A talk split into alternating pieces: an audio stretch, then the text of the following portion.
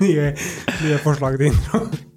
Uh, og så jeg følte meg så uoriginal når alle tok hei og velkommen. Så det er min intro til Droplets.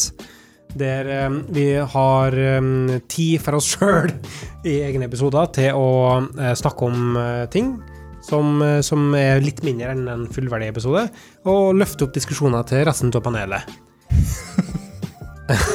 Løft opp. Ja, ja alltid det.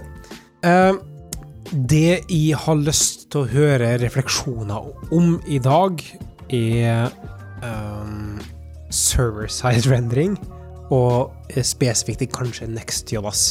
Det er min nye fanesak som, som, Det er en teknologi NextJS er, da. Det er en teknologi en, som utvikler seg mer og mer etter hvert til å bli en fin abstraksjon for å få til Uh, server-side uh, rendring til ting, som jeg tror er en fordel for um, robusthet. Det etablerer en plattform for um, progressive enhancement i større grad, som jeg mener at flere og flere folk glemmer at det er en greie.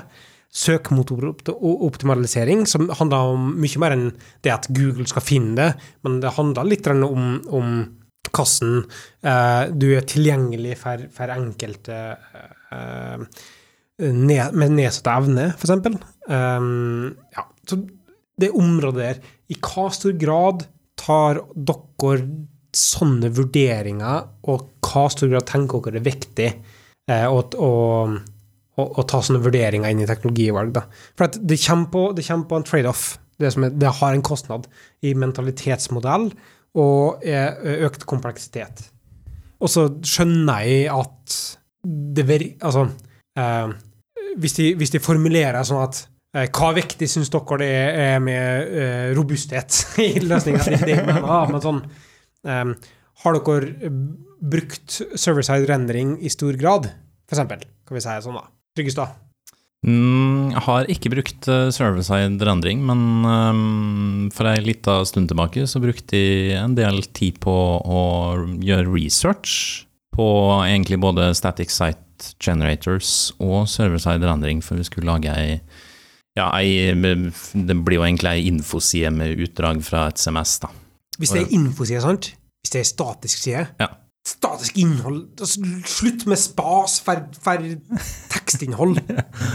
ja, det var egentlig det jeg konkluderte med, ja. Um, og det her var jo helt nytt for meg. Det var ikke har ikke vært så masse snakk om SSG og uh, server-side endring og sånt uh, fra de prosjektene jeg har vært på tidligere. Så det, det gir jo nye utfordringer, da. Um, du må plutselig ha en uh, backend for frontend, eller hva vi skal kalle det. Du kan ikke bare hive det rett ut på en Amazon S3 eller noe form som ikke har en server i det hele tatt.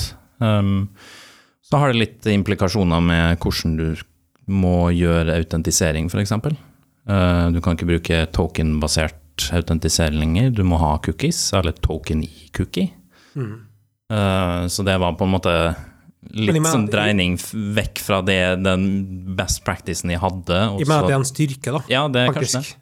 For at du, du, har en sikrere måte å lagre, for du kan ha en application to application OAuth-flyt i stedet for å ha den normale liksom, sånn implicit grant-flyten i OAuth som en vanligvis har. da. Mm. Ja, det, det, er absolutt en endring i mindset, eh, mindset da. Så mm. det, det, er jeg helt enig i. Jeg tenker det er viktig å ha det i verktøykassa si, i hvert fall. Så må man, kommer det litt an på prosjektet, da, om ah, ja. det, det, gir mening å bruke det eller ikke. Hvis du f.eks. Har, eh, ikke har behov for å være søkbar på, på Google fordi at du har en eh, bedriftsintern applikasjon, eller en applikasjon som er bak en innloggingsmur, f.eks., så mm. kanskje gir det ikke så masse mening, for da er det egentlig performance gains du får, da Eller den gjesteopptredenen fra Siri der, altså. eh, men altså, andre ting, altså Søkemotorprodusering er en del av det, men jeg mener at det er en viktig del med robusthet av det. Det har vært tilfeller der jeg har lagd en applikasjon med servicegenerering, som, som ikke er en ny greie, altså. Det, det har vært eksistert lenge, bare ikke med den samme teknologien. Mm. Men der jeg har eh, Og animasjonen der funka ikke perfekt. Altså, det var noe av det som skjedde. Den animerte ikke, den fada ikke inn sånn som jeg har kodet den skal gjøre. Og så brukte jeg en hardtime på å debugge kaffer, og så viser jeg Å nei, for at javascripten kjører ikke. Det var kun statisk eh, sideinnhold. Så det betyr at jeg får tilgang på informasjonen allerede. Men også kan vi berike det med avansert funksjonalitet i ettertid, altså den progressive enhancement-biten. Um, så det er en robusthet-del av det. I stedet for at f.eks. med utelukkende spas, eh, og som, som vi kanskje har vært litt sånn høylytte kritikere av, f.eks. sånn som Elm, da, som ikke støtter serversidegenerering i hele tatt. Som betyr at i det øyeblikket den single threaden krasjer, så krasjer hele sida, på en måte. Um, det er ikke robusthet. Og så har du ikke Ja. Det er ikke det. uh, nei, jeg er enig, men det kommer jo helt an på hva slags prosjekt man bygger, da.